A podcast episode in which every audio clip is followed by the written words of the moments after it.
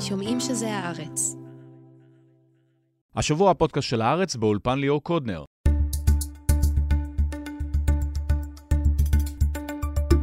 כמעט מדי יום מגיע לכותרות סיפור נוסף של אפליה כלפי נשים בישראל. פעם זה גירוש מאוטובוס בגלל לבוש לא צנוע, ופעם אחרת חיזוק הרבנות או הפרדה במעיינות או באוניברסיטה. את יופי תירוש, ציפי לביא ונעמה מורל נשאל האם מדובר במלחמת דת או חלק מההפיכה המשטרית. עוד קודם לכן, אהרון רבינוביץ' יביא את העדכונים האחרונים לגבי חוק הגיוס. מה רוצים הרבנים, ומדוע הם טיפסו על עץ כל כך גבוה? למה אריה דרעי שוב לובש את הכובע המפוקפק של המבוגר האחראי, איך צה"ל הפך למתנגד העיקרי לתוכנית, ומה זה בכלל חוק יסוד לימודי תורה. ולבסוף, הקו האדום של הרכבת הקלה בגוש דן כבר נוסע. אנחנו ננסה להבין מתי ייפתחו הקווים הבאים, מדוע מירי רגב יקבע את פרויקט המטרו, ולמה כל זה לא יעלים את הפקקים. יפעת ראובן, דניאל שמיל ותמיר כהן יהיו פה.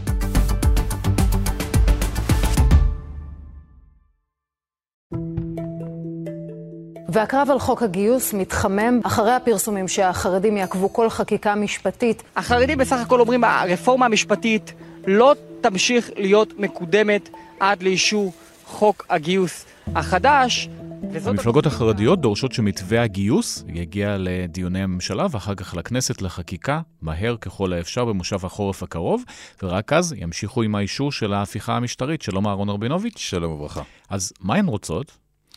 תראה, חוק הגיוס הוא בעצם משימת העל של המפלגות החרדיות. אין דבר קדוש יותר מזה, אין דבר חשוב יותר מזה. זה האירוע, בשבילו התכנסנו בעיקר, כמובן, גם תקציבים ודברים אחרים, אבל זה האירוע, זה מה שהרבנים דורשים, זה מה שמועצות גדולי התורה של כל המפלגות בעצם דורשות. נזכיר, היה את זה פעם עד שבג"ץ ביטל את זה. נכון. בעצם סאגת הגיוס היא סאגה בלתי נגמרת, אנחנו מדברים מסוף שנות ה-90, אנחנו כבר, מה, 25 שנה בתוך הסיפור הזה. טוב, אתה יכול ללכת עוד יותר רחוק לבן גוריון, שנתן את הפטור כן, הראשוני. נכון, נכון. ואז כמובן אחר כך בגין עם הפטור הגורף יותר וכולי וכולי. והמספרים אבל... גדלו וגדלו. נכון, אבל מאז הסאגה, נקרא לזה המשפטית יותר, שבעצם בא בג"ץ ואמר, רגע, החוק הזה הוא חוק לא שוויוני, הפטור הזה הוא פטור לא שוויוני, אנחנו בעצם 25 שנה בסיפור. בהתחלה זה התגלגל והתגלגל, כל פעם קיבלו עוד ארכה של עוד חמש שנים, ניסו את חוק טל, אחר כך היו כל מיני ועדות שונות וחוקים שונים. בעצם לפי המצב המשפטי כרגע, חרדים צריכים להתגייס, ופשוט הצבא לא מגייס אותם ומחכה לחוק חדש. נכון. אה, מבחינה חוקית, החרדים אה, מחויבים כרגע בגיוס, אה, אין חוק שפוטר אותם, והממשלה, בהחלטת ממשלה, הורתה לשר הביטחון שכרגע לא לגייס אותם, כי אנחנו מתכוונים לקדם חוק שיסדיר את הנושא במושב החורף. ובעצם כרגע לשם כל העיניים נשואות. זה האירוע. מה שקורה כרגע זה שהמפלגות החרדיות אמרו לנתניהו, חד משמעית, שום חוק לא יקודם, אגב, לא רק ההפיכה המשפטית, אלא באופן כללי. אנחנו לא הולכים לקדם איתכם שום חוק עד אשר נושא הגיוס לא יוסדר. יש לנו הסכם קואליציוני בזה. מקווה שכולם יעמדו בהתחייבות שלהם, כמו שאנחנו עומדים בהתחייבות שלנו. למה החלטת הממשלה לא מספקת אותם? לא, כי הם רוצים להסדיר את זה, הרי זה, זה, זה פלסטר שאפילו לא מחזיק מעמד כמה חודשים, הם רוצים להסדיר את זה. ופה יש נקודה חשובה שצריך להבין למה הפעם זה דרמטי יותר. קודם כל, מכיוון שבג"ץ כבר כמה פעמים פסל, ולכן אנחנו כבר צריכים להגיע לאיזשהו הסדר שיתפוס. והדבר נוסף, כמובן, ההפיכה המשטרית ברקע, וההוראה של הרבנים שהפעם צריך לעשות חוק גיוס הרמטי, סגור, שבג"ץ לא יוכל להתערב בו. וזה שוב פעם חופף לנושא הזה של ההפיכה המשטרית. זה, זה באמת נכנס כרגע ל, לכל הבלגן עם הסרבנות או הפסקת uh, התנדבות במילואים. ופסקת התגברות וגם uh, חוק יסוד לימודי תורה. בדיוק, אז לכן כל המערכת כרגע היא מאוד מאוד רגישה ודרוכה לעניין. עכשיו צריך לקחת דבר חשוב מאוד בחשבון. בתוך מערכת הביטחון, בתוך משרד הביטחון, צה"ל, ישבו כל הזמן בשנים האחרונות עם המפלגות החרדיות, עם נציגים של המפלגות החרדיות, בנוגע לאיך בדיוק סוגרים את הסיפור הזה. ותמיד הנציגים בצה"ל נתנו לנציגים החרדים את תחושה שאנחנו מסתד... מסתדרים, הכל טוב, אתם תקבלו את מה שאתם רוצים, לא צריך חוק יסוד לימוד תורה, אפשר פסקת התגברות נקודתית וכל מיני דברים כאלה. כרגע, בעקבות המשבר בחיל האוויר, בחיל הים וכל הדברים האלה שאנחנו רואים, מי שנותן כרגע את הברקס זה דווקא הצבא. הצבא, שיש לו כן אינטרס להגיע לאיזשהו הסדר עם, עם החרדים, כי צריך לומר את האמת. בצבא לא באמת רוצים את החרדים. צריך, זה כי זה נטל ברור. שיפול על הצבא, שצריך לעשות איתם משהו שהם לא יודעים מה לעשות זה בכלל. זה נטל מטורף, זה, זה, זה, זה כאב ראש לא נגמר. הצבא לא באמת רוצה את החרדים. על איזה מספרים אנחנו בעצם מדברים? אני חושב שלפני כמה חודשים בוועדת חוץ וביטחון אה, ישב שם רח"ט תומקה ודיבר על כ-60 אלף אה, חרדים שמקבלים דיחוי, בעצם מגיוס, פטור מגיוס נקרא לזה. 60 אלף מדי שנה? כן, זה בערך המספרים. זה בעצם כולל את כל תלמידי הישיבות ואברכי כוללים עד אה, גיל 26. גם על זה זה חלק מהדיונים בחוק הגיוס הנוכחי, כמה להוריד, איך להוריד, דברים מהסוג הזה. שחקן נוסף במשחק הזה הוא גם uh, משרד האוצר, שרוצה לשלב את החרדים האלה כמה שיותר מהר בשוק העבודה, והוא רוצה להוריד את הגיל של הפטור. נכון. בעצם הרי איך זה עובד? כל בחור uh, חרדי בן 18 מקבל בקשה בעצם להתגייס, ואז מדי שנה... מגיש דיחוי חתום בתצהיר על ידי עורך דין, שהוא תורתו אומנותו, ועל כן הוא פטור, זה בעצם החוק, עד שהוא מגיע לגיל מסוים, ואז הצבא אומר לו, אוקיי, שלום, ביי ביי, לא, לא צריך, צריך אותך, ובוא תתקדם לעבוד. מה שקורה זה שמכיוון שגיל הפטור הוא מאוחר, רוב האנשים האלה הם בעצם כבר אבות ל- לילדים.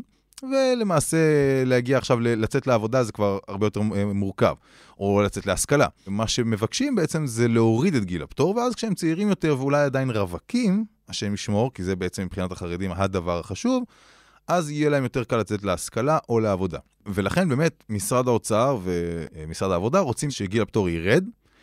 פה אנחנו נכנסים לטריק מאוד מעניין, כי החרדים לא באמת רוצים שגיל הפטור ירד. לכאורה באינטרס שלהם שגיל הפטור, הצבא לא יהיו חייבים יותר בצבא מגיל יותר צעיר. אבל בדיוק הנקודה הזאת שדיברתי מקודם על הנושא של הרווקים והנשואים, היא נקודה מאוד מאוד חשובה. מבחינת החרדים, בחדרים הסגורים, רוצים שגיל הפטור יהיה מאוחר יותר. כי הם לא רוצים את הצעירים החרדים יוצאים כשהם רווקים, אה, כשאין להם את העול הזה, את האירוע הזה שסוגר אותם, שנקרא הצבא.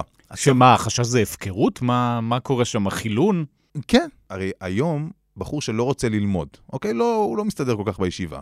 הוא לא יכול לצאת לעבוד, אלא אם כן הוא הולך להתגייס. כי אם הוא לא מקבל את הדיחוי של תורתו אומנותו, שזה חתום על ידי הישיבה ועל ידי ועד הישיבות, אז הוא צריך בעצם ללכת להתגייס. עכשיו, להתגייס זה סיפור אחר, זה כבר ממש לחצות את הרוביקון. אז הוא תקוע, הוא לא יכול לצאת לעבודה, הוא לא יכול ללכת להתגייס, הוא לא ממש יושב בישיבה, מה הוא עושה? אם אנחנו מורידים את גיל הפטור, והוא צעיר, ובן 21 נניח, או 22, והוא כבר לא חייב לצבא שום דבר, והוא לא רוצה לשבת בישיבה, הוא יכול ללכת לעבוד. החרדים לא ממש רוצים את האפשרות הזאת. הם רוצים אותם אחרי שהם כבר נשואים, עם ילדים, ואז אתה כבר בתוך הסיסטם, אתה במערכת, אתה, אתה על הוו, אוקיי? הילדים שלך במוסדות, כל דבר שזה, אתה כבר... הרב אתה, שולט אתה בך. אתה אצלנו, אתה אצלנו. ולכן הנקודה הזאת היא נקודה גם כן מאוד מעניינת. אז כלפי חוץ החרדים יגידו, בטח, תורידו את גיל הפטור, אבל בפנים זה ממש לא המצב. לי חשוב שהציבור החרדי יבין שנגמר עידן במדינת ישראל. לא יקרה יותר שחצי עם ישרת, חצי עם לא ישרת. זה לא הולך לקרות יותר. זה בלתי קביל יותר. עוד סוגיה שעומדת פה על הפרק זה מה שנקרא מתווה גנץ, שלפחות המפלגות החרדיות בהתחלה סימנו שהן מוכנות לקבל אותו, איזשהו ישראבלוף שיוכלו ללכת החרדים לא רק לצבא, אלא ללכת גם לאיזשהו סוג של שירות, ואז אה, שוק העבודה יותר מהר וכולם מרוצים. כן, המתווה בגדול בעצם אומר, בוא לא נסתכל רק על שירות צבאי, בוא נסתכל גם על שירות אזרחי, שירות לאומי, התנדבות בכל מיני ארגונים, וזה ייכנס לתוך היעדים של שירות צבאי. מה שקורה עם זה, אה, כרגע החרדים מתנגדים לזה, שלא יהיו שום יעדים ולא שום דבר, כי הרעיון המסדר אומר, כל בחור שרוצה לשבת וללמוד, ילמד, אנחנו לא צריכים לעמוד בשום יעדים, בשום מכסות, וכמובן, בוודאי שאין שום סנקציות. היום, כשהם נמצאים במצב שבו הם נמצאים, אני לא בטוח שהם לא היו כבר לוקחים את המתווה הזה. צריך להבין שהרי מתווה הנשיא, כשדובר על ה... אה, בזמנו, במשא ומתן ההפיכה המשטרית, דיבר על אפשרות שבעצם סוגרת את נושא הגיוס סגור, גם חסין לפני בג"ץ. היום החרדים מסתכלים על זה ואומרים, איזה טיפשים היינו שלא לקחנו את המתווה הזה, אגב, שגם הסדיר את הנושא של דרעי, שהיה יכול לחזור כבר לשר. המתווה של הנשיא, היום איפה שאנחנו נמצאים ואיפה שהוא היה אז, זה הרי מבחינת החרדים זה מתנה משמיים. אז אם אנחנו מסתכלים פוליטית, מה צפוי לקרות? באמת הם ימשיכו uh, לצעוק, uh, ימשיך משא ומתן, ואיזשהו חוק אנחנו נראה כן מגיע לכנסת? החרדים כרגע מתבצרים בעמדה, אין שום סיכוי להוריד אותם. ולמה? מכיוון שהאדמו"רים, הרבנים, הם מבחינתם הטילו וטו מוחלט, אנחנו רוצים חוק גיוס הרמטי, סגור, uh, עד הסוף, בג"ץ לא יוכל להתערב, אף אחד לא יגיד לשום בחור אם הוא יכול או לא יכול, אין יעדים, אין מכסות, אין uh, סנקציות. אבל מבחינה פוליטית כרגע זה מאוד מאוד יהיה קשה להעביר את זה. טוב, הם גם רואים את המחאה, אגב. זה בעיקר הסיפור של המחאה, ובעיקר, בעיקר, האמירה הזאת של אנשים בתוך הצבא, של קצינים בכירים בצבא, שאומרים להם, תקשיבו רבותיי, אם החוק הזה עובר כפי שאתם רוצים אותו, תהיה לנו בעיה מאוד קשה לגייס חילונים. כי אנשים יגידו, טוב, that's it, נגמר הסיפור. וגם נתניהו מבין את זה, ועל כן היה באותה פגישה שהוא היה בקריאה, קרא לדרעי, והשיחות אחר כך עם גפני, ועם זה, שבניסיון של נתניהו בעצם לרכך אותם, ולהגיד להם, חבר'ה, צריך אה, להרגיע את הסיפור הזה, כי הצבא כרגע אה, מציב אה, אה, אתגרים לחוק, ולכן כרגע, כרגע, המצב הוא, אנחנו בדדלוק. זה לא ברור לאן זה ילך, או שהחרדים ייאלצו להתפשר, או שהממשלה תיפול. טוב, או שימצאו שם פתרון אחר שבסוף אה, יפתור את זה. לקבל חוק של פטור מלא, גיוס, עם פסקת התגברות, עם חוק, זה לא יקרה. שהבטיחו להם את זה, הרי שוב, הבטיחו להם, נתניהו הבטיח להם את זה בהסכמים הקואליציוניים, לא עכשיו, הוא היה צריך להעביר את זה כבר בתקציב. טוב, הם אנשים פרגמטיים, אגב, חברי הכנסת החרדים. הם יודעים uh, שהאלטרנטיבה יותר גרועה. נכון, אבל זה בדיוק העניין, שפה יש את האלמנט הזה של הרבנים, שהם כבר הכניסו את ההילוך עד הסוף, מה שנקרא. זה יהיה הפעם הרבה יותר מסובך. להוריד את זה חזרה, קח בחשבון שיש משבר הנהגה מאוד גדול בחברה החרדית. אין איזשהו מבוגר אחראי אחד גדול שכולם, אתה יודע, סומכים עליו, שיבוא ויגיד, טוב רבותיי, בואו נתפשר, אין ברירה, אין מה לעשות. מי שכן חותר לכיוון הזה זה דרעי, כי הוא מבין מבחינה פוליטית כרגע שהוא צריך לייצר איזשהו מהלך טקטי שסוגר את הסיפור הזה כרגע. בואו נגלגל את זה כמו שגלגלנו את זה 25 שנה, נמשיך לגלגל את זה הלאה. הרבנים אומרים, נמאס לנו לגלגל את זה כמו שגלגלנו את זה 25 שנה, אנחנו רוצים לעצור. דרעי אומר, בוא, אפשר, בוא נעשה את זה בלי פסקת התגברות, בג"ץ אחר כך יתערב, ואז נכניס את פסקת התגברות, בוא נגלגל את זה עוד, לא לפתור את זה עכשיו. אצל האשכנזים, אה, דגל התורה, אגודת ישראל, המצב הרבה יותר מורכב. לימודי התורה, חוק יסוד, זה משהו גם חשוב, או שזה באמת רק נועד לצורכי אה, רק, הסיפור הזה? רק נושא של אה, אה, חוק הגיוס, כן יש איזשהו ערך, אידיאל גדול של החברה החרדית לבוא ולהגיד שספר החוקים של מדינת ישראל מכיר בערך העליון של לימוד התורה, אבל על זה לא... לא תצביעו על הממשלה. ממש לא. זה בהחלט נועד רק לנושא אה, חוק הגיוס, זה כרגע המצב. אהרון רבינוביץ', תודה רבה. בבקשה. נערות בנות 15 שנסעו בקו 885 של נתיב אקספרס מאשדוד לצפת נדרשו על ידי הנהג להתכסות וללכת לשבת מאחורה. החינוך שאתם גדלתם עליו זה החינוך הכי גרוע שיכול. אתם חיים במדינה יהודית שאתם צריכים לכבד את האנשים שחיים פה. אני אכבד אותם כמה שהם רוצים, לא שזה עולה... אין כמה שהם רוצים, לא זה מדינת היהודים, ופה את חיה ואת צריכה להבין את זה. רק בשבועיים האחרונים היו שבעה מקרים שונים של אה, נשים בתחבורה ציבורית במדינת ישראל, וזה רק קצה הקרחון המיזוגני שאנחנו מתרסקים עליו לאט לאט. כמעט מדי יום מדווחים כלי התקשורת על פגיעה בנשים. האם זה קשור להפיכה המשטרית, להפיכה הדתית או מה שביניהם? אנחנו ננסה לברר את התשובות לשאלות האלה עם שלוש נשים שיושבות כאן. דוקטור יופי תירוש, סגנית דיקן הפקולטה למשפטים באוניברסיטת תל אביב, שלום. אהלן. ציפי לביא, מנהלת קשרי ממשל בנבחרות, נשים חרדיות לייצוג שוויון וקול. היי, מה קורה? וגם אה, נעמה מורל שעובדת איתנו כאן בארץ. אז נעמה, נתחיל איתך. כל יום יש דיווח על אוטובוס, זה משהו שאנחנו, התקשורת, אה, מנפחים, או שבאמת אה, זה מקרים אמיתיים שקורים כל הזמן? התזה שלי, ויופי תוכל לתקן אותי אם אני טועה, זה שלא מדובר בתופעה חדשה של הדרת נשים, אלא אולי מדובר בתופעה הולכת ומתחזקת של נשים שלא מוכנות להיות מודרות. זאת אומרת, גם קודם עצרו נשים באוטובוס, אמרו לנו, אתם לא עולות, הנהגים אה, הגדילו ראש, עשו משהו מעבר לחוק, איך שלא מסתכלים על זה, ועכשיו פשוט הן לא מוכנות לשתוק. אז אני גם לא יודעת אם זה נכון להגדיר מקרי הדרת נשים בתור מקרים שבהם אישה ישבה מקדימה ואמרו לה ללכת אחורה. אני במשך שנים נסעתי באוטובוסים חרדיים אה, ממקום למקום, שזה אגב אה, דוגמה מדהימה לתחבורה ציבורית מתפקדת.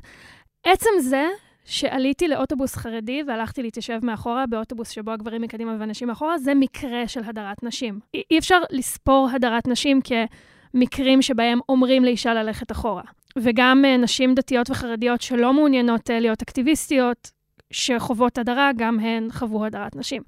יכול להיות שיש יותר מקרים של נשים שלא מוכנות לזה, יכול להיות שיש יותר מקרים אולי של גברים חרדים שמרגישים בנוח, הרי אני יודעת גם מחברות שיש מקרים שאת uh, מתיישבת באוטובוס מהדרין מקדימה ואף אחד לא אומר לך כלום. השאלה היא, כמה אכפת להם, כמה הם מרגישים שהם יכולים להגיד על זה משהו, כמה יש להם גיבוי מהמערכת. אני, אגב, מאוד לא אוהבת את זה שאומרים, אה, הנהג לקח לעצמו יוזמה. כן, הנהגים, אה, האליטה ההגמונית והמדכאת של נהגי אוטובוס, לא, לא. אה, מדובר על מערכת שלמה ועל אנשים שעומדים מאחוריהם, והנהגים הם בטח לא אשמים בזה. יופי, את עוקבת אחרי התחום הזה כבר הרבה מאוד שנים, אז מה השתנה? כמו שנעמה אמרה, אה, התיקים שמגיעים אפילו לבתי משפט ולתקשורת אה, באמת קורים שנים. קורה לנו כאן משהו שבנושא של שוויון לנשים, שקרה לנו עם הדמוקרטיה הישראלית. אה, לקחנו את זה for granted, ואנחנו, רק כשזה עומד מול איום ממשי, אנחנו מבינים, א', כמה זה חשוב לנו, וב', כמה אנחנו צריכים, צריכים להילחם בדחיפות. אז באמת, אה, הסיבות לעלייה בדיווחים זה גם זה שנשים מתחילות למתוח את הנקודות לקו ולהבין שמה שעשו לנו, בעשורים האחרונים זה גז אה, lighting, לחצו לנו על הכפתור של ההתחשבות ושל הנימוס, וכל אחת חשבה שזה, מה שקרה לה זה מקרה של קיצונים ושל תפוחים רקובים, והיום אנחנו מבינות שזה לא עניין של נימוס, אלא שזאת שאלה פוליטית של ממש זכות שלנו להתקיים מחוץ לבית, של הקול שלנו, של הנוכחות שלנו. אני יודעת שזה אה, לא רק עלייה בשכיחות, כי יש נשים שמגיעות היום לייעוץ המשפטי שבמערכת... מערכים מדהימים שנפתחו ככה אד הוק, ואומרות, זה קרה לי לפני שנה, זה קרה לפני שנתיים. ואגב, זה לא קורה רק בתחבורה הציבורית, זה קורה בכניסה לפארקים, לקניונים, למלונות אה, וכו'. טוב, גם במעיינות ובדברים אחרים שהממשלה עכשיו מנסה להנהיג שם הפרדה מגדרית. וזה עוד דבר שנורא חשוב לי ככה להמשיך את הדברים של, אה, של נעמה. היא אה, שמה את האצבע על ההבדל בין הדברים שמקוממים אותנו, שדוקרים לנו את העין. מה זאת אומרת ששלחו את הבת שלי לאחורי האוטובוס והם אמרו לה להתכסות, או לא נתנו לאישה לעלות לרכבת, לבין השאלה הגדולה יותר שאני והשותפות שלי מנסות לשים על השולחן כבר יותר מעשור, ולהגיד לחברה הישראלית, תקשיבו, אתם לא יכולים להשלות את עצמכם, שאם אתם תקבלו את הרעיון של מיסוד הפרדה בין המינים, סיבות של תועלת כלכלית, כן, בלי הפרדה חרדים לא ילכו לתעסוקה, בלי הפרדה הם לא ילכו לצבא. פשוט חייבים את זה באוניברסיטה, חייבים את זה בצבא. וגם זה הרעיון הרעיון אה, הליברלי של רב-תרבותיות, זה מתחייב, אנחנו צריכים להיות סובלנים. אתם פשוט משלים את עצמכם שמה שקורה בבני ברק יישאר בבני ברק, זה יפגע בכל נשות ישראל, זה פוגע במרצות, זה פוגע בחיילות, זה פוגע אה, אה, ברבות, ו- וזה לא מפתיע, כי זה להגיד, שהמדינה אומרת לחייל או לסטודנט, תחשבו על זה, זה המקומות שאנחנו הכי מחוברתים. היא אומרת, יש לך ציפייה סבירה לא ללמוד מאישה, לא לקבל הדרכה מאישה. אישה מפריעה לך בשדה הראייה, אנחנו נרחיק אותה. על איזה בסיס אנחנו אה, אה, יכולים לצפות שזה ייגמר ברגע שהוא יצא מצה"ל או יצא מהאקדמיה? ציפי, מלחמת דת? טוב, אני, אני כאילו הולכת לתפור ממש דלאפ, מה שנקרא, דעה לא פופולרית.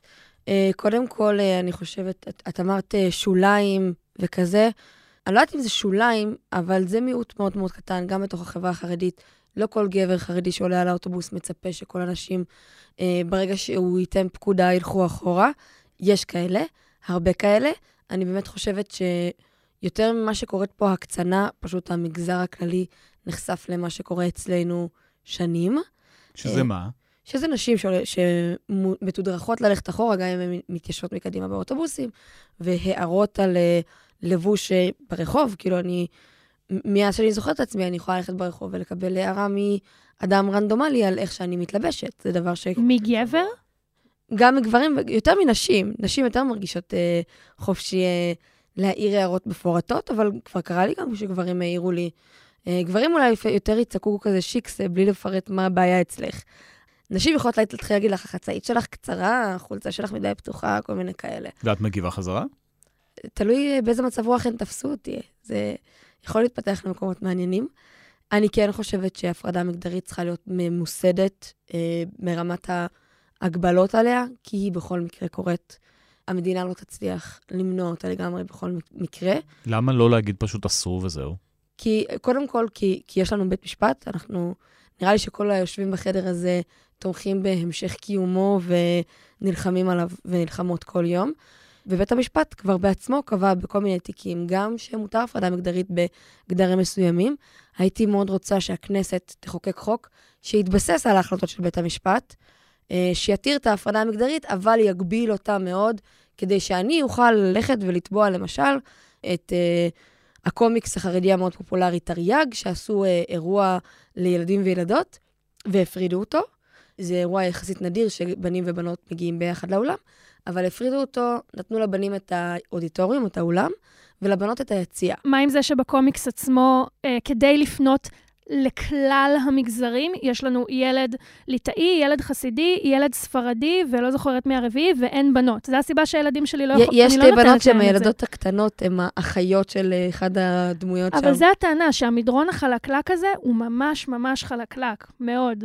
זהו, אז, אז לכן אני אומרת שצריך לעגן את זה בצורה מאוד מאוד מסודרת. כאילו, האירוע, האירוע של תרי"ג היה אירוע פרטי, זה לא היה אירוע ממומן, אבל אה, המדינה יכולה לחוקק, מה זה המדינה? הכנסת יכולה לחוקק, שכל אירוע מעל 1,500 איש, שזה אירוע רב משתתפים או whatever, עם קהל גדול, צריך להיות, אם הוא מופרד, צריך להיות מופרד בצורה שוויונית, וזה אומר אם יש דרישה לאזור משפחות, שזה משהו שבית המשפט הציע בסוגיה של עפולה, שהסיפור הידוע עם מוטי שטיינמץ, שעשו הפרדה מגדרית ובסוף אה, ההופעה התקיימה. אגב, עיריית עפולה מצפצפת על בית המשפט. הם שבוע שעבר עשו הופעה, זה הדהים אותי, כאילו החוצפה של עירייה בישראל, פשוט לצפצף על החלטת בית משפט העליון.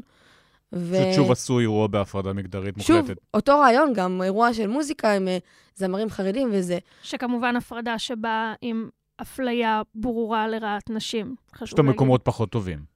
תמיד. זה, זה, כלומר, בארצות הברית הבינו את זה כבר, מתי היה בראון? 54. זה, זה מובן מאליו. אז, אז באמת, ה, ה, ה, קודם כל אני מצדיעה לשתיכם, ו, ו, ובוודאי לך, ציפי, שאת ממש אקטיביסטית אמיצה בעיניי, ויוצאת נגד מוקדי הכוח בקהילה שלך, ואני יודעת כמה מחירים זה לשלם. והנקודת uh, מחלוקת בינינו זה על באמת איפה עובר הקו. כמשפטנית, אני מרגישה שהוא צריך לעבור במקומות שכבר הסטטוס קוו הישראלי לפני עשר שנים uh, אמר, בבית כנסת, בבריכה, בבית ספר, שם שם אפשר לעשות uh, הפרדה, אף אחד לא יבוא לבג"ץ ויגיד בחתונה המשפחתית, נו נו נו שהפרדתם. אבל הכמיהה, שהיא כמיהה מובנת לי, שההפרדה uh, uh, באקדמיה, בשיר, בנהיגה מונעת, באירועים, כן, שאנחנו נעשה את זה חצי-חצי בצורה שנשים לא ייפגעו, היא uh, אשליה, היא לא תתממש, בדיוק כמו שנאמר פה, בבית הכנסת זה מאחורה, בחבורת קומיקס של תרי"ג ובהרבה מאוד אירועים. דברים שעיריות עושות היום בלי בושה. הן שמות את הילדות, מוכרות כרטיסים ליציע ולמאחורה. אה, ואני רוצה פה להכניס את הרעיון שיש במחשבה הליברלית על רב-תרבותיות, שהוא אומר, כל עוד בתוך הקהילה, גם אם היא מדכאת את המיעוט שבתוך המיעוט, שבדרך כלל זה אנשים, היא שומרת על זכות היציאה של אנשים, שהן יכולות לצאת מהקהילה ולא כולאים אותם שם, אז אנחנו יכולים לחיות עם קצת הפרדה. זאת זה ההבדל בין כת לבין קהילה? כן, basically, ומה שקורה היום במדינת ישראל הוא ממש ייחודי, ולתיאוריה הרב-תרבותית אין תשובה אליו, כי מה שקורה הוא שבעצם גם כשהאישה החרדית יוצאת מאלעד ומבני ברק ומשכונת גאולה, no exit, כל ה- ה- היחס אליה בתור אה, זאת שצריכה לשבת מאחור, נמשך, והמדינה, כאילו מכוונות טובות של הנגשה, יוצרת מציאות שמקבעת את הדבר הזה. יש לנו תופעות בל ייאמנו שבממשלה הקודמת נבלמו, כמו דוח של משרד השיכון בשיק, בשיתוף המכון למחקרי אה, חרדים, שאומר שאת השכונות החרדיות צריך לתכנן ככה שבמתנ"ס יהיו כניסות נפרדות. והמדינה אומרת, זה, אה, אה, זה עניין של התחשבות רב-תרבותית. עכשיו, גם ציפי תזדעזע, וגם נעמה תזדעזע, ותגיד, מה פתאום לקבע את הדבר הזה באבן? אבל זה מה שקורה, ואנחנו, אה, מרוב רצון ככה לרבע את המעגל, אנחנו יורות לעצמנו ברגל ו- ומעמיקות את המרחבים שבהם גם נשים חרדיות וגם נשים חילוניות פשוט לא יוכלו להיחלץ מהעובדה שהן נשים בתור הנתון הראשון שמכריע איפה ולאן ועם מי הן יכולות אה, להיות. אבל זה לא סיפור פוליטי? גם במפלגות חרדיות אין הרי נשים בהגדרה. בג"ץ נמנע מלהתערב בסוגיה הזאת.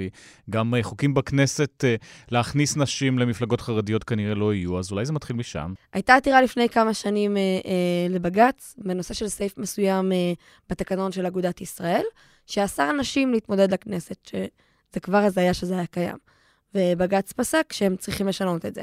טוב, עכשיו... עדיין לא נכנסו מאז נשים לכנסת באגודת ישראל, נכון, או בש"ס גם. נכון, בשביל זה אני חושבת צריך באמת חוק. פשוט חוק שוויון מגדרי, זה, יש את זה בעוד מדינות דמוקרטיות, אנחנו לא נהיה המדינה הראשונה שעושה את זה.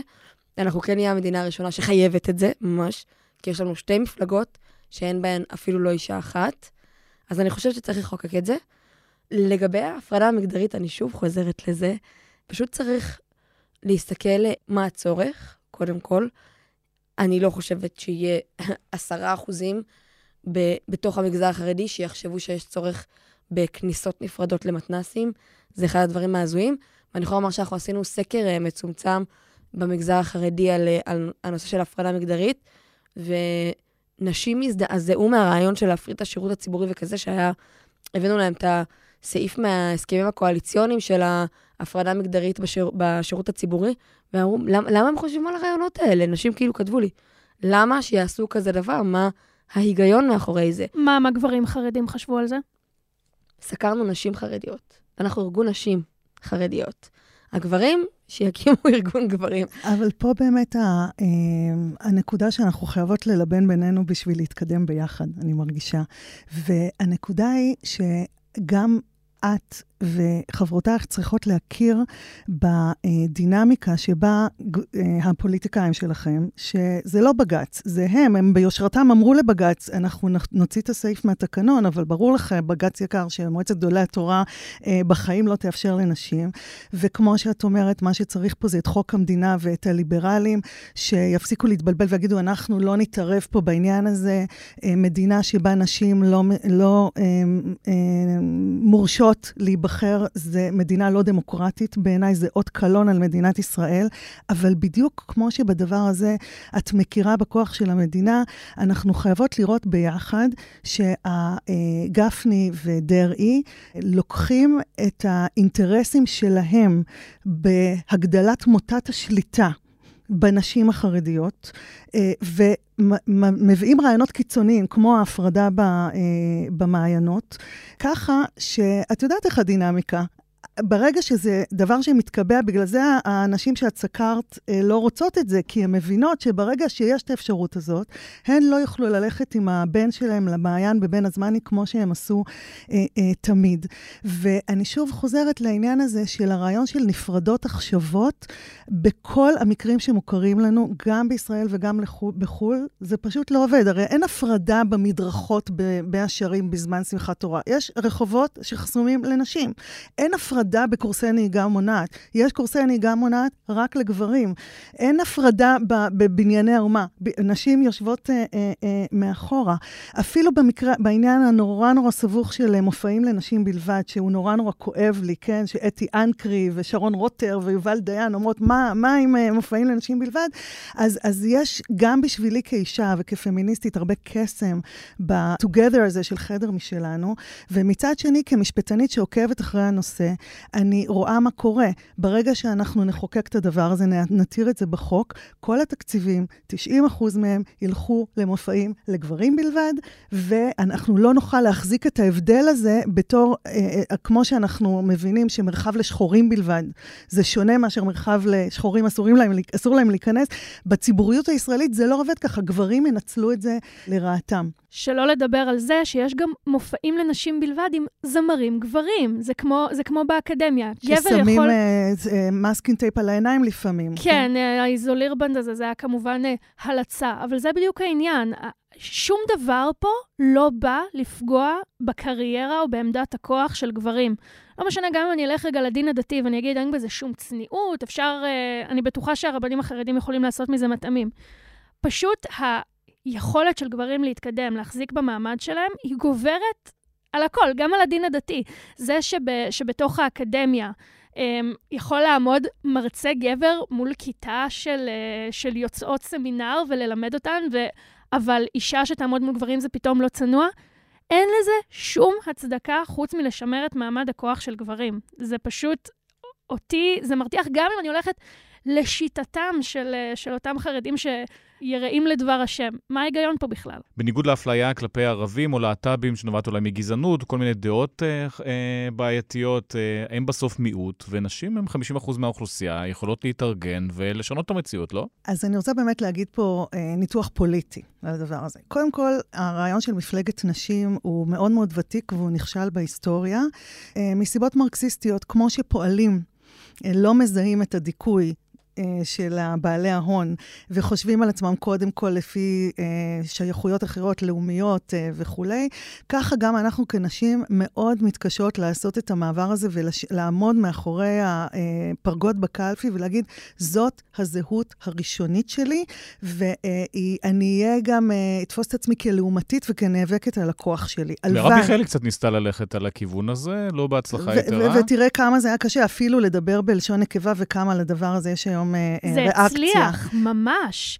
בקמפיין של יהדות התורה, גם בשלטים וגם ברשתות החברתיות, הם אמרו, היה משהו כמו יהודיות ויהודים יקרים. אני אמרתי, מרב מיכאלי ניצחה את המשחק, לפחות פה. טוב, אבל לא שמו נשים ברשימה, אבל אה, אז אני לא יודע אם אפשר להתייחס לזה ככה. עצם זה שהם משתמשים בזה כעלה תאנה, זה לפחות סימן שמשהו. יש לא בקלש רציני, אה, אה, שי גליק בצלמו מכריז מלחמה על הנקודה המגדרית, ולא רק הוא, מפקחות בחינוך ממלכתי דתי, מפוטרות אם הן עושות מודעה בלשון רב-מגדרית, וזה קשור בדיוק לדיון שלנו. כאשר מטשטשים את ההבדלים בין המינים, קשה להפריד, ואז קשה גם אה, אה, לשלוט. אבל אני כן רוצה להגיד, אה, לעשות איזה זום אאוט לשתי נקודות פוליטיות. האחת חוזרת לציבור הכללי. ההכרה בכך שהממשלה הזאת אה, הולכת להפוך את המרחב בישראל ללא בטוח לנשים, בעיניי יש לה פוטנציאל לקחת הרבה אנשים שעוד מתנדנדים, ולא כל כך חשוב להם פסקת ההתגברות ו- וסבירות וכולי, למקום ביקורתי, להעביר אותם uh, צעד, בגלל שזו הפרה של הבטחת עומק יסודית של מה זה מדינת ישראל לבנות שלנו, לאנשים שלנו. והדבר השני, ואולי אני קצת אופטימית ואתם uh, תורידו אותי ותתקנו אותי, אבל uh, ההתעוררות החסרת תקדים שאני רואה אצל נשים דתיות ואצל נשים חרדיות, שבעבר הם אמרו לי תודה אה, בוואטסאפ בפרטי, אבל הם לא יצאו נגד הקהילות שלהם, ואני, מסיבות שאני מבינה למה, אני לא שופטת. והיום הן יוצאות, בעיניי, יש פה פוטנציאל גם שהם יסללו דרך לגברים חרדים, אה, שיתחילו להבין, כמו שהייתה כתבה נהדרת במוסף עם אה, דוקטור לומי לבנקרון, שדיברה על עכברים בבני ברק, ושיותר ויותר חרדים מבינים שההנהגה מושחתת, שרק דואגת סקטוריאלית, והיא לא מקצועית, היא פשוט פוגעת בהם. ואני ממש מקווה ש, שיהיה איזה shift, ששוב, הנשים החרדיות פורצות בו את הדרך, שיוכל לשנות דיסקט בתוך הקהילה לגברים, להבין שה...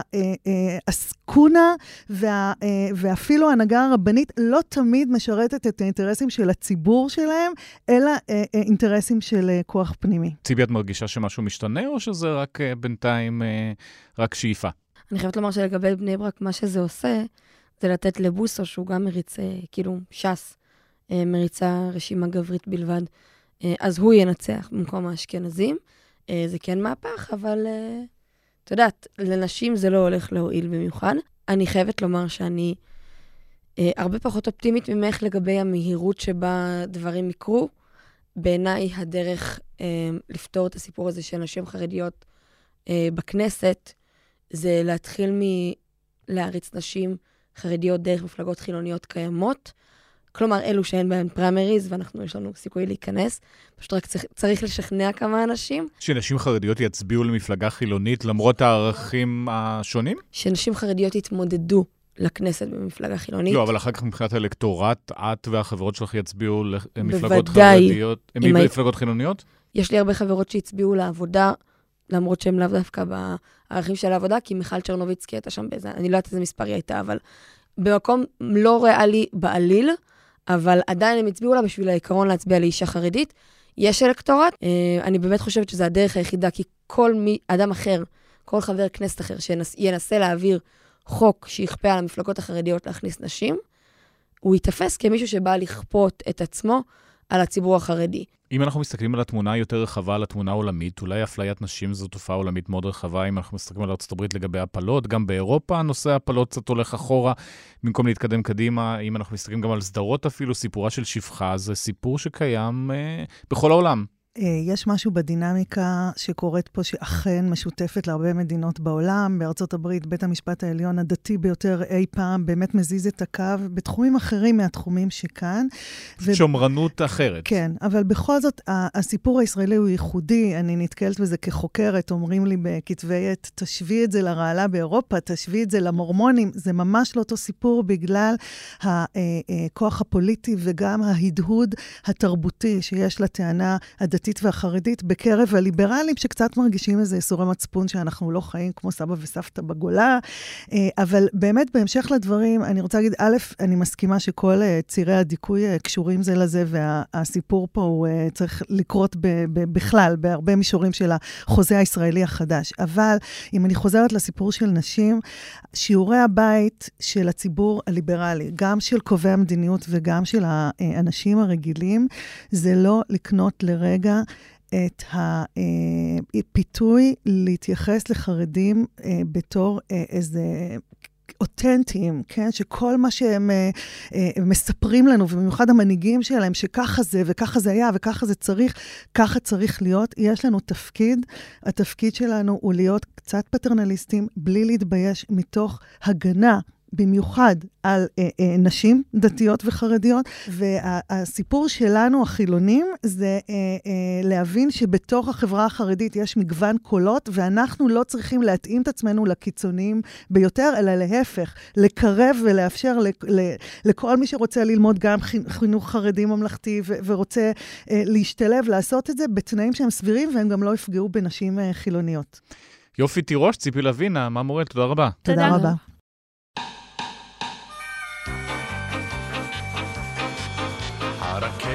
מתקרבת, הרכבת מגיעה, בואו ונצא לדרך, הצטרפו לנסיעה. 120 שנה אחרי המטרו של פריז, 160 שנה אחרי הטיופ של לונדון, גם אנחנו קצת אירופאים. יש לנו כוכבת חדשה של גוש דן. באמת מרגש, בשורה אדירה לתושבי גוש דן. יש סיכוי אפילו לא קטן שאתם שומעים את השיחה הזאת ברכבת הקלה בתל אביב. הקו האדום נפתח, וזו הזדמנות לדבר גם עליו וגם על הקווים הבאים שבדרך. איתנו שלושה, יפעת ראובן, שלום. שלום ליאור. דניאל שמיל. אהלן. כתבי המרקר בנושא הזה, ואיתנו גם תמיר כהן, לשעבר ראש מטה שר האוצר וראש צוות המטרו. שלום. שלום, תודה רבה שאתם מארחים אותי. מתרגש להיות פה ולדבר על הנושא החשוב הזה. מצוין, אז בואו נדבר על הקו האדום. אז בעת חגיגות, בינתיים עובר uh, בלי הרבה תקלות, יש לא מעט נוסעים, אנחנו נדע את העומסים המדויקים רק בספטמבר, אבל בינתיים uh, זה עובד, נוסע כמו בלונדון. בינתיים זה עובד ונוסע כמעט כמו בלונדון. באמת הרכבת הקלה uh, נפתחה לציבור אחרי שמונה שנים, הרכבת עובדת, התדירות היא לא כל כך זמינה כרגע, זאת אומרת, התדירות היא נמוכה. אומרים פעם בשש דקות, זה אפילו לא פעם בשש, לפעמים בתשע, אפילו ארבע עשרה. אפילו עשר, אפילו שתים עשרה ראיתי, נכון, בדיוק. עקב האכילס של הפרויקט הזה זה החוסר העדפה של הרכבת הקלה בצמתים. הרכבת הקלה לא מקבלת עדיין העדפה מלאה בכל הצמתים. המוקדים העיקריים זה בת ים, שם ממש הרכבת עוצרת כמעט בכל צומת. בקו אה, התחתי, הרכבת כמובן אין לה צמתים, והיא לא עוצרת. והיא לנסוע מהר. היא נוסעת מהר, אפילו 70 קמ"ש, וזה אחלה, וזה כיף באמת אה, לנסוע. הבעיה היא באמת בקו העילי, ייקח זמן, משהו כמו חצי שנה עד שנה, עד שיסתיים התהליך של הכיול של הרמזורים, ככה הם קוראים לזה, שבאמת הרכבת תוכל לקבל העדפה מלאה בצמתים. מבחינת מספרים בינתיים זה רק תיירים, זאת אומרת, אנחנו נוסעים לאיזה נסיעה לראות מה העניינים. כי אנשים פשוט פחות עובדים באוגוסט, אבל כשחוזרים לעבודה זה אמור להיות אה, כלי מרכזי באזור המרכז. נכון, לא, לא סתם אה, ההשקה יועדה, ל... חשבנו עוד ביולי, לבסוף באוגוסט, כי אלה באמת חודשים יותר רגועים, והתקלות הן פחות חמורות. כל פעם יש איזה משהו קטן, אבל ההשפעה אה, קטנה יותר. בספטמבר, אוקטובר, נראה... כמה אנשים באמת נוסעים. אנחנו מגיעים היום, לפחות, סליחה, אנחנו בסך הכל יום שממש בתחילת ההפעלה, ואתמול היו כנראה כ-110 אלף נוסעים בקו הזה. אנחנו צריכים לראות כנראה, כפול. בדיוק, יהיו הרבה יותר uh, בימים רגילים ויהיה עומס. אני חושב שאולי משהו שראינו ביום שישי, ביום הראשון, שהיה חגיגי והיה קרנבל מעל פני האדמה, ו... ראית בעיניים של אנשים שזה באמת משהו שחיכינו אליו, זה די שגרתי, כן? רכבת שנוסעת מתחת לאדמה, זה אפילו לא רכבת תחתית אמיתית, זה מין משהו היברידי כזה שהוא קצת עילי וקצת תחתי, אבל מין הרגשה של נורמליות, אני מעריך, ואני אולי האופטימי יותר בשיחה, שאנחנו מהר מאוד לא נבין איך יכולנו בכלל לחשוב על חיים בלי רכבת כזאת. אז תמיר, תכף נגיע למטרו ולקווים העתידיים, אבל לגבי הקו הזה, באמת האמנתם שבסוף זה יקרה, אמנם באיחור מאוד מאוד גדול, אבל כשעבדת, קיווית שזה יקרה בקדנציה שלך ושלא קרה? קודם כל האמנו שזה יקרה, ואני חושב שמעבר להאם התדירות היא טובה או פחות טובה, הדבר הכי חשוב והמסר הכי חשוב של הקו הזה, זה שהוא נפתח. זה שהתושבים מבינים, וכתבתי את זה, אין טוב כמראה עיניים. שסוף סוף קרה. בדיוק, שזה בסוף קורה, שזה בסוף זה אפשרי. אני מזכיר לכולם את הפתיחה של קו A1 מתל אביב לירושלים, של רכבת ישראל. הוא התחיל בשביתות ובתקלות, כל שלוש שעות היה מתעכב, והיום הוא עובד חלק. אז uh, פרויקטים כאלה, אם מחכים שהם יהיו מושלמים והתדירות תהיה מושלמת ולא יהיו בעיות, הם יישארו במגירה. וזו אמירה מאוד חשובה עכשיו, שהוא נפתח, וההצבעה של התושבים ברגליים היא הדבר הכי משמח שיש, ועצם זה שהציבור יבוא וידרוש עוד ועוד, זה מסר מאוד חשוב גם לדרג המדיני וגם בכלל על היכולת שלנו להעביר אנשים לנסוע בתחבורה ציבורית. עד כמה באמת נראה ירידה של הפקקים כתוצאה מהדבר הזה? אם 200 אלף איש נוסעים ברכבת ביום, אז אותם 200 אלף איש לא נוסעים אה, או לא באוטובוס או לא באוטו, אז אמורים להיות פחות פקקים. אמורים להיות לי פחות פקקים, אבל לא יהיו פחות פקקים כרגע, כי זה קו אחד. בואו נזכור שזה קו אחד, קו אדום, שיהיה לנו באמת uh, עוד שני קווים, ואז יהיו לנו שלושה קווי רכבת קלה, ונוכל לקרוא להם רשת קווי רכבת קלה, אז באמת נוכל לראות ירידה מסוימת בעומסים על הכבישים. וכרגע באמת זה קו שעובר בעצם מפתח תקווה לבת ים, שמשרת בעיקר אנשים שצריכים לעשות שימוש של שלוש תחנות, ארבע תחנות, עשר תחנות גג. זאת אומרת, אנשים לא ייסעו מבת ים uh, עד הקצה השני של הקו. זאת אומרת, אנשים בתוך תל אביב נוסעים למקומות ספציפיים, או אנשים מבת ים מגיעים לתל אביב, או מפתח תקווה לתל אביב. בדיוק, כן. תחבורה ציבורית לא נועדה להפחית פקקים, זה פשוט לא התפקיד שלה. אוקיי? תחבורה ציבורית נועדה לתת לאנשים עוד אפשרויות להגיע. אם מישהו רוצה לשבת בפקק, תפאדל, באמת. טוב, לא- בעקיפין לא... אבל היא מורידה, לא? לא. כי יש לא. פחות אנשים שמתחרים על הכביש. אם אני נוסע באוטו ואתה נוסע ברכבת, אני מגיע יותר מהר. תאורטית אתה צודק, אבל כל המחקרים, כל מה שאנחנו רואים גם שקורה, שיש משהו שנקרא ביקוש כבוש, אוקיי? נניח שעות בוקר באיילון, יש ביקוש מושרה גם, יש כאלה שקוראים לזה. אנשים לא נכנסים לפקק, כי זה קשה, הם דוחים את הנסיעה, אולי הם נוסעים ביום אחר, אולי הם כן ייקחו רכבת, אבל אם הפקק לרגע ייפתח, די מהר הוא יתמלא שוב. בדיוק. כלומר, הקיבולת בכבישים כמעט תמיד תהיה מלאה. זאת גם הסיבה שאין טעם לבנות עוד ועוד כבישים. השבוע מירי רגב הציעה לבנות עוד קומה לכביש 6, זה לא יפתור שום דבר, הפוך, זה רק יעודד עוד אנשים להשתמש במכונית שלהם. אפשר להסתכל על העולם, מי שגר בלונדון ומי שגר בפריז, או מי שבוחר לגור במטרופולין שיש לו ביקוש, תמיד יהיה גודש מסוים, וזה גם כשמדברים על מערכות מטרו, ואפילו עם אמצעים כמו אגרות גודש ועוד אמצעים כהנה וכהנה. השאלה היא, מה האפשרויות שהמדינה מציעה לציבור כדי להגיע למקומות שהוא רוצה להגיע, בזמן ידוע מראש וסביר. אז לא נדבר כרגע על השבת ועל שעות הערב ושעות הלילה, אבל בואו נדבר על הקווים הבאים.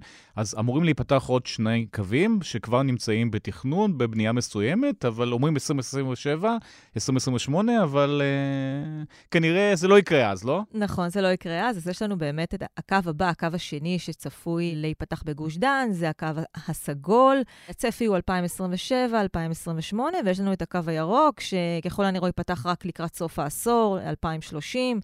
שזה גם יחסית מהר ביחס לקו האדום. נכון, כבר יודעים איך לעשות. יש לנו את הקו הירושלמי, את הקו האדום, שקיים כבר 12 שנה, היחיד שעובד בירושלים 12 שנה, ומאז לא פתחו למעשה עוד קווים נוספים. גם שם בונים? אפרופו באמת הקו הירושלמי, אז הקו הבא בירושלים שצפוי להיפתח זה הקו הירוק. ב-2025 הוא ייפתח בחלקו, ויש לנו את הקו הכחול, שאמור להיפתח ב-2028-2029, וגם שם נוכל לקרוא לזה רשת קווי רכבת קלה שתוכל להסיע המונים. הקו הירושלמי, אני לא יודעת אם יצא לכם להשתמש בו, הוא עמוס מאוד, כן. צפוף מאוד, נוסעים בו מדי יום כ-170 אלף איש. רואים שהעיר הזו צריכה עוד קווי רכבת קלה ועוד מערכות הסעת המונים, וגם כמובן, כמו אזור גוש דן, שצריך קווי רכבת קלה ואת המטרו, שזה הפרויקט שבאמת יהיה ה-game changer ובאמת יוכל uh, לעשות פה איזשהו שינוי ולהקל על העומס של התחבורה בעיר. תמיר, המטרו באמת יגיע אלינו עוד בחיינו? כן, ואני חושב שאם היינו עושים את הפודקאסט הזה, מקליטים אותו לפני שבוע, והייתם שואלים אותי מה הדבר הכי חשוב שצריך בשביל המטרו, הייתי אומר לכם לפתוח את הקו האדום. כי כמו שאמרת, צריך לראות את זה בשטח. גם את התחנות התת-קרקעיות. כבר ניגע בתת-קרקעי, כי לעשות רכבת קלה מתחת לקרקע זה טעות. אני כן רוצה לומר, קודם כל, כשמסתכלים על ירושלים, מטרופולין ירושלים מקים עוד רכבות קלות, גם את הקו הירוק, מה שנקרא הערכה של פרויקט הג'יינט, וגם את הקו הכחול. לירושלים יש יתרון, כי זה בסוף מטרופולין עם הרבה פחות ערים, והוא מאוד אינטגרטיבי עם ירושלים, שזה יתרון אדיר, והם מבצעים פרויקטים מאוד יפים. דבר נוסף שעוזר להם לקדם פרויקטים בצורה טובה, זה שהם חברה שכבר מפעילה קו אדום. שאתה בונה קו מתוך הפעלה של שירות ומתוך ראייה של הנוסע בקצה, אתה עושה את הדברים הרבה יותר טוב. פה דווקא מירי רגב רוצה רשות אחרת, כי היא רוצה עוד ג'ובים לחלק. אני אגיד את זה בצורה הכי גסה. אפשר להתפשר על האיכות של חוק המטרו, או הכלים הרגולטוריים שנותנים לו, על האנשים המקצועיים שיבואו לפרויקט, אי אפשר להתפשר. כי למה צריך לדעת איך לכרות את המנהרות האלה, איזה רכבות לקנות, ואיך להסיע את האנשים? אלה פרויקטים כל כך מורכבים, שקודם כל ברמה הניהולית וברמה המנהיגותית של לקבל את ההחלטות ולנהל את העשרות החברות האלה, גם מקומיות וגם זרות, שיבואו לפה להקים את המטרו, צריך אנשים מאוד מוכשרים ומאוד מנוסים, ואנחנו צריכים, אה, מה שנקרא, לשבור את כל החוקים ולדאוג שהאנשים הכי מקצועיים בשוק, לא רק בממשלה, בשוק, יהיו במקומות הנכונים. יש סיבה שכל קו ינוהל בצורה נפרדת? קיבלנו בשורות מאוד טובות. שרת התחבורה, יחד עם חברת נטע ומשרד האוצר, הוציאו הודעה של שלוש קבוצות שיזכו במה שנקרא לנהל את התכנון ולנהל את הביצוע של כל אחד משלושת קווי המטרו. וזו בשורה משמחת. כי פשוט תקע את זה גם מלא זמן. גם את זה וגם אה, צווי הפקעה שלא שוחררו לחברה, ועכשיו יצאה הודעה מאוד חיובית, שמעבר להודעה לחברות שזכו, זה מסר מאוד חזק לשוק המקומי ולשוק בעולם שפרויקט המטרו מתקדם. עכשיו, לגבי האם חברה צריכה לנהל כל קו, להקמה של המטרו יש הרבה יותר מה, מהחברות האלה. כבר היום פה יש חברה בינלאומית בשם אג'יס, שמשתפת פעולה עם חברה ישראלית, ומה שנקרא מנהל הרשת. החברה הזאת רואה באינטגרציה את שלושת הקווים, והיא יוצרת את הממשק ביניהם. זאת אומרת, אם יפעת או אני רוצים לקפוץ ממקום למקום, לעבור בין רשת לרשת, בין קו לקו, אז היא אמורה לדאוג שלנו זה יקרה כמה שיותר בקלות. היא אמורה לדאוג לאינטגרציה של ההקמה של זה, אבל כן שווה לדבר על מונח שנקרא שלביות. ואנחנו כל הזמן מדברים על אה, איזה לקחים למדנו מהקו האדום, כי בואו שנייה נפתח סוגריים, לפני שאנחנו צועדים למטרו. אם מסתכלים על פרויקטי הרכבת הקלה, אתם שומעים חזור ושוב את המונח קו אדום, ואז קו ירוק, ואז קו סגול. זוהי תפיסה מוטית, שנבנו פה שלושה פרויקטים, במקום להסתכל מלכתחילה על רשתיות. במילים אחרות, היה ניתן לקחת חלק מהקו הירוק, חלק מהקו האדום, שהם מצטלבים בצומת מעריב כיום, ולהתחיל לבנות מה שנקרא X, הצלבה, ואז לבנות החוצה. אפילו לפתוח את זה בחלקים. וגם לפתוח את זה בתפיסה שזה לא קו אחרי קו אחרי קו, אלא קודם כל יוצרים רשת. כי בסוף בשביל שבן אדם ייסע, הוא צריך יותר מתדירות. הוא לא צריך רק שהקו יהיה מהיר, הוא צריך שתהיה לו גם אפשרות להגיע להרבה מקומות. זאת אומרת, הוא מחליף רכבת בהגדרה. ובעתיד הוא לא רק יחליף רכבת קלה, הוא יחליף רכבת קלה לאוטובוס, הוא יחליף רכבת קלה למטרו. ולכן עכשיו, כשמגיעים לרשת של המטרו, הרשת של המטרו שהיא תוכננה, היא לקחה בחשבון גם את הקו האדום, גם את הקו הירוק, גם את הקו הסגול, וגם את קווי המטרו אחד לשני, ויצרה רשת הוליסטית שמאפשרת לאנשים לנוע ממקום למקום בחיבוריות. אנחנו נרשת את מדינת ישראל לאורך ולרוחב ברכבות קלות, רכבות כבדות, רכבות על גלגלים ופתרונות נוספים, אין ספק שזה ייתן את הפתרון לגודש. אז לפני שנחזור ללוז, בואו נחזור למירי רגב. אז מה היא רוצה? שאלת מיליון הדולר. היא קיבלה חלק ממה שהיא רוצה. היא קיבלה איזשהו תקציב התחלתי לרכבות לפריפריה. כי חשוב לה להגיד שהיא שרת הפריפריה והיא נכון. דואגת לחלשים. ומאזור המרכז לא אכפת לה כי אין לה פה בוחרים. קודם כל צריך להגיד, יש לה בוחרים באזור המרכז, והמטרו זה לא משהו שמיועד לתל אביב, זה משהו שמיועד לכל הערים בגוש דן הרחב מאוד. כולל רמלה, כולל לוד, כולל באר יעקב ו- ופתח תקווה ועוד ועוד ערים מהוד השרון, ואז באמת, זו רשת עצומה. אז למה כן הרכבות יותר חשובות לה? הפרשנות הצנועה שלי, שהיא רצתה משהו שהוא על שמה. תוכנית שהיא שלה. המטרו כבר מקודמת, סמוטריץ' מאוד האמין בה ורצה לקדם. היא רוצה משהו שהיא תוכל להגיד זה שלי, כמו לא שהיום צריך לתת ישראל קרדיט כץ- לאף אחד. כן. ככה היא הייתה צריכה לסחוב את ישראל כץ להשקה. בדיוק, להשקה, ועכשיו הוא נוסע גם בקו ירושלים, ואומר, הנה, זה הכל נבנה בזכותי, ואני כבר לא הורדוס, אני אוגוסטוס, כן? ויש כל מיני תארים חדשים. והיא קיבלה, היא קיבלה את ההישג הפוליטי שלה, בשלב הראשון 2.4 מיליארד שקל לקידום התכנון, כנראה כבר רכבת לאילת, אם וכאשר? אני מניח שבשלב, כלומר, בשלב הראשון מדובר רכבת לקריית שמונה, ורכבת לאילת, אלה כאלה תקציבים עצומים שזה עוד יחכה, ויש עוד הרבה צמתים שאפשר לבטל ולדחות, ויש כאן באמת עניין של תמורה להשקעה, כן? מגיע לתושבי אילת שתהיה להם רכבת טובה ונוחה, אבל... יותר זול לתת לכל אחד מהם מונית ספיישל למרכז, מאשר לבנות את הקו כמו שהוא מתוכנן כעת. גם אם יהיה קו לאילת וגם אם יהיה קו לקריית שמונה, האנשים שיבואו מקריית שמונה ואילת לגוש דן, לא יהיה להם איך לנוע בתוך גוש דן, זאת אומרת... אותה רשתיות שדיברנו עליה קודם. בדיוק. אם לא יהיה כאן את המטרו ואם לא יהיה כאן רשת של קווי רכבת קלה, לא יהיה להם איפה... לנוע בתוך האזור הזה, הפקוק.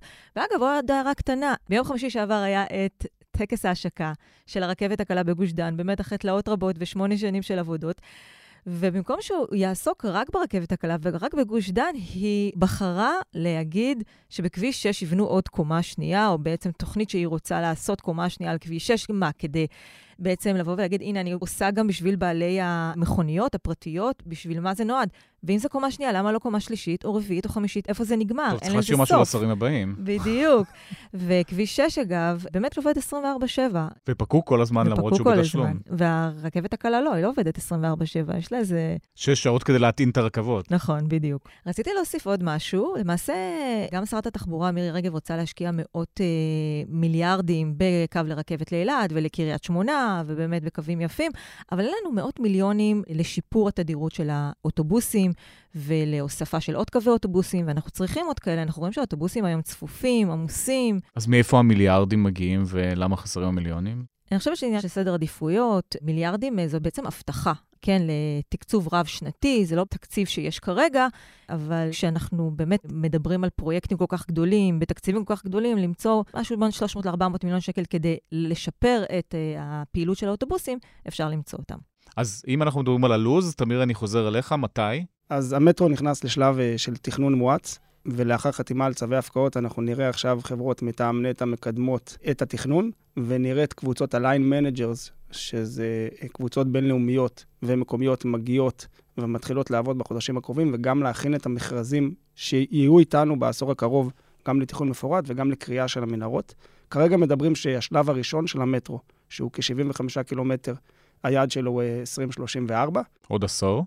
אז זה מאוד מאוד תלוי בכמה דברים. אחד, כמה כלים אנחנו ניתן לחברת נטע בתור מדינה כדי לבצע את הפרויקט הזה. זאת אומרת, שוב נזכרנו במירי רגב, אם היא לא תיקח את זה, פשוט מהחברה הזאת, מה שהיא רוצה לעשות. מבחינתי, לדרג נבחר יש פרוגרטיבה לעשות גם החלטות שהן לא מקצועיות, והם מייצגים ציבור, וזו זכותם המלאה. רצוי כמובן שזה יעלה בקנה אחד עם הפן המקצועי, אבל הרבה פעמים צריך גם טיפה לא להתעלם, אבל כן לשים בצד הרבה אמירות פוליטיות, ולדעת להמשיך להתקדם בכל הכוח. וזה מה שקורה עם המטרו בשנה האחרונה. אז אה, מכרז ה line manager נפתח, הממשלה מתייצבת מאחורי הפרויקט הזה, ועכשיו הממשלה צריכה להעביר את חוק המטרו, וצריך להיערך במבנה הארגוני הכי נכון, גם בממשלה וגם בנטע, בשביל שהפרויקט יוכל להתקדם. מה מסובך שם, הכרייה עצמה, שצריך מנהרות אה, מטורפות שחוצות את כל גוש דן? דווקא הכרייה היא לא החלק הקשה. שימו לב גם בכרייה של הקו האדום, ואפילו עכשיו במקטע התת-קרקעי של הקו הירוק. כמעט ולא מרגישים את הקריאה של המנהרה. מכונות ה-TBM, Tunneling Boring Machine, יכולות לעבוד ויעבדו פה הרבה במקביל, והתושבים לא ירגישו אותם. זה נכון בישראל, זה נכון באנגליה ובמקומות אחרים בעולם. הקטע המסובך הוא כמה דברים. אחד, זה סביבת התחנות. בשטחי ההתארגנות יש שם המון העתקת תשתיות, יש שם המון אירועים שהם בלתי ידועים, והם גם משיתים עומס, צריך לומר את זה, כבד מאוד גם על הציבור וגם על העסקים בכל גוש דן, בכל המרכז בכלל, והוא הולך להישאר איתנו בעשור וחצי הקרובים. זאת אומרת, למרות שלא סוגרים כביש כדי לשים את התחנה כדי להיכנס פנימה לתוך האדמה, אז צריך להזיז דברים. בסוף, כשאנחנו הולכים להקים תחנות, בקו האדום הקמנו עשר תחנות תת-קרקעיות, במטרו זה כ-109 תחנות תת-קרקעיות. המקבילה של זה זה להקים איצטדיון כדורסל מתחת לאדמה. זה גם מה שלוקח זמן. ולעשות שטח התארגנות לקראת הקמה של תחנה כזאת, זה אירוע שמשית נטל רחב והוא מאוד מאוד מורכב. הדבר השני, הוא שלב שלא הצטיינו בו בקו האדום, זה שלב המערכות. אגב, צריך לומר, זה נכון בכל פרויקט רכבתי בעולם. אחרי שמגיע מה שנקרא, אנחנו קוראים לזה שלב התוכנה, כי קודם כל יש שם תוכנה, וב' הוא מאוד מאוד קשה. ולעשות אינטגרציה לשלושה קווים מבחינת המערכות, הוא אירוע מורכב. אז אם אנחנו נסכם אה, אופטימיים, אבל אה, עוד הדרך ארוכה? אני מאוד אופטימית בסך הכל, אני מאוד שמחה שהקו האדום נפתח סוף סוף. הדרך לא כל כך ארוכה, זאת אומרת, ייקח שנה עד שיארגנו את כל העניין הזה של העדפה ברמזורים, אני מקווה מאוד. למרות שבקו הירושלמי עדיין אין העדפה מלאה מלאה בכל הצמתים. שזה אחרי 12 שנה. אני מאמינה שאחרי שייפתרו התקלות האלה, הקו האדום בעצם יפעל כמו שצריך וישרת עשרות אלפי אנשים מדי יום, כמו שהוא אמור לעשות. גם אני כרגיל אופטימי, לפחות בתחבורה, בתחומים אחרים אפשר לדבר פעם אחרת. כן, זה באמת נותן איזושהי זריקת מרץ לכל התחום הזה, ואנחנו רואים שאפשר לעשות מערכת תחבורה ציבורית יותר טובה ממה שהיא הייתה. אני כן רוצה להוסיף לכל הקווים הרבים שדיברנו עליהם, כדאי שלא רק נקסם ונחשוב רק על רכבות כפתרון להכל, כלי התחבורה הציבורית שיעשי הכי הרבה אנשים הוא עדיין יהיה האוטובוס הישן והטוב, אולי פעם יהיה חשמלי ולא מטרטר, אבל טוב, אולי יגיע בזמן גם. זהו, וצריך לדאוג להם, וזה פחות יקר ופחות מסובך, אבל זה כן עולה בשטח למכוניות. צריך נת"צים, צריך גם להם העדפה ברמזורים, צריך תחנות יותר טובות. אם האוטובוסים יהיו טובים, אז הם גם ישתלבו טוב במערכות הסעת ההמונים, ויותר אנשים יוכלו ליהנות מהם. בסוף, כשמקימים רשת של תחבורה ציבורית, היא כוללת את המטרו, שהוא עמוד השדרה של רשת הסעת המונים בתוך המטרופולין, אליו מצטרפות רכבות קלות, ולכן כשהן מצטרפות ומשלימות את המטרו, לא ניתן כמובן לתת להן העדפה מלאה ברמה העילית, כי זה יוצר גטאות, אבל הן מתפקדות בצורה מעולה. ואוטובוסים, כמו בלונדון, הם מעל 50% מהנסיעות בסופו של דבר, וגם, בל נשכח, הליכה רגלית. הליכה רגלית יכולה להוביל הרבה אנשים. אופניים, קורקינט. מיקרו-מוביליטי, כל הדברים האלה הם חלק מהמרחב האורבני. ולכן כשאנחנו מסתכלים על מה רשת התחבורה המטרופולינית קדימה, זה איזשהו שינוי דיסקט שנעשה בממשלה בעשור האחרון, שהוא לא מסתכל על התחבורה כנפרד, הוא מסתכל עליה כחלק מהמרקם העירוני, והוא עובד בהדדיות עם הצד האורבני, הוא גם מעודד הליכתיות ועירוב שימושים, כלומר שלא נבנה רק מגורים ורק אזורי תעסוקה, אלא נשלב ביניהם בסביבת התחנה. וגם הוא מאפשר אה, לממש הרבה יותר יחידות דיור, ולמעשה הוא מאוד תומך בכל התוכנית האסטרטגית לדיור. כיום יש לנו בכל המרכז המון תוכניות מאושרות שאושרו בוותמ"ל של עשרות אלפי יחידות דיור שממתינות או מותנות בפתרונות של תחבורה ציבורית, גם במט"שים ובעוד שירותים ציבוריים. אבל אחד הדברים שהכי מתנים אותם זה תחבורה, ולכן יש הדדיות מאוד גדולה בין הקמת רשת הסעת המונים לבין אפשרות לממש את יחידות הדיור האלה. תמיר כהן, דניאל שמיל, יפעת ראובן, תודה רבה. תודה רבה. תודה.